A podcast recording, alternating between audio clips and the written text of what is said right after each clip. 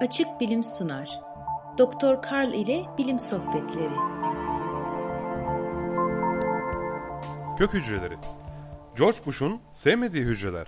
Öyle ki Hür Dünya'nın liderliğini yaptığı 8 yıl boyunca oğul George Bush embriyonik kök hücrelerinin kullanıldığı araştırmalara federal devletin desteğini kısıtlamak için elinden geleni ardına koymadı. 2012'de ise kök hücresi araştırmalarına Nobel Tıp Ödülü verildi.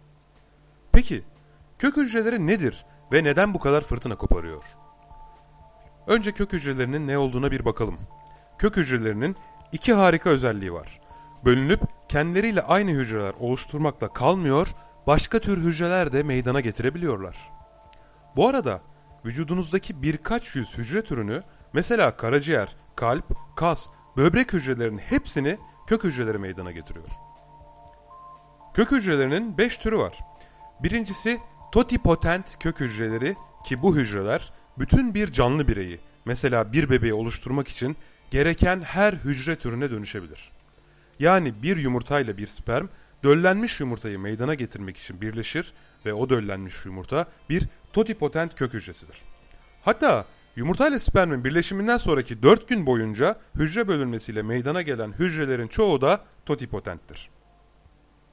İkincisi pluripotent kök hücreleri. 2012 Nobel ödülünün gözlerini çevirdiği hücreler işte bunlar. Pluripotent kök hücreleri bölündükçe insan bedenindeki her hücreye dönüşebilir. Ama embriyoyu destekleyen plasenta ve göbek bağı gibi yapıların hücreleri hariç. Yani pluripotent kök hücreleri kendi başlarına bir insan meydana getiremez. Ama yine de sinir hücresi, kan damarı hücresi ve benzeri birkaç yüz hücre çeşidini meydana getirebilirler.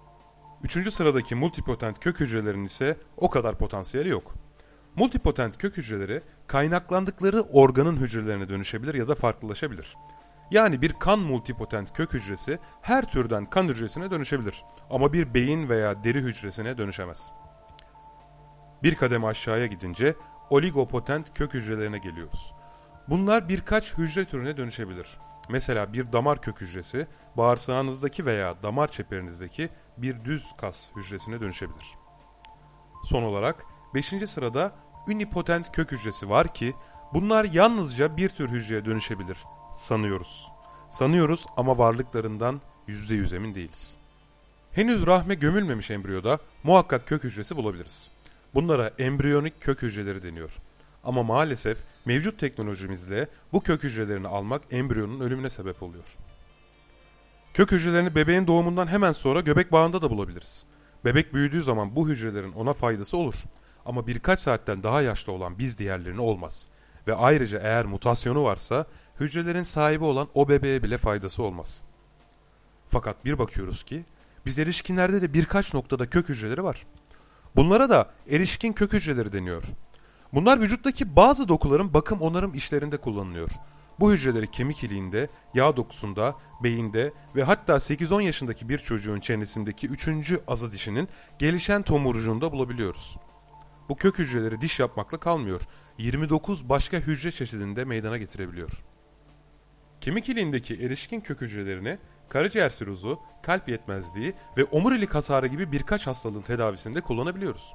Fakat kök hücrelerini kemik iliğinden elde etmek sancılı bir işlem olduğu gibi yaş ilerledikçe sayıları düşen kök hücreleri elde etmek de giderek güçleşiyor. Üstelik bu hücreler yalnızca sınırlı bir hastalık dizisini tedavi edebiliyor. Ne yazık ki çok da başarıyla değil. Maalesef çoğu erişken kök hücresi multipotent. İnsanlardaki değişik hastalıkları tedavi edebilmek için ise bunlardan daha etkili, erişkin insandaki her hücreye dönüşebilen pluripotent kök hücrelerine ihtiyacımız var. Tam olarak istediğimiz embriyoyu yok etmeden kolayca pluripotent kök hücreleri elde edebilmek.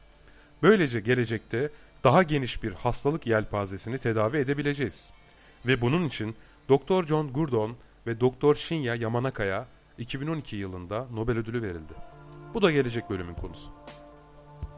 Çeviren Gökhan İnce Seslendiren Tevfik Uyar Açık bilim hakkında daha fazla bilgi edinmek, diğer yayınlarımıza ulaşmak ve dergimizle iletişim kurmak için www.açıkbilim.com adresini ziyaret edebilirsiniz.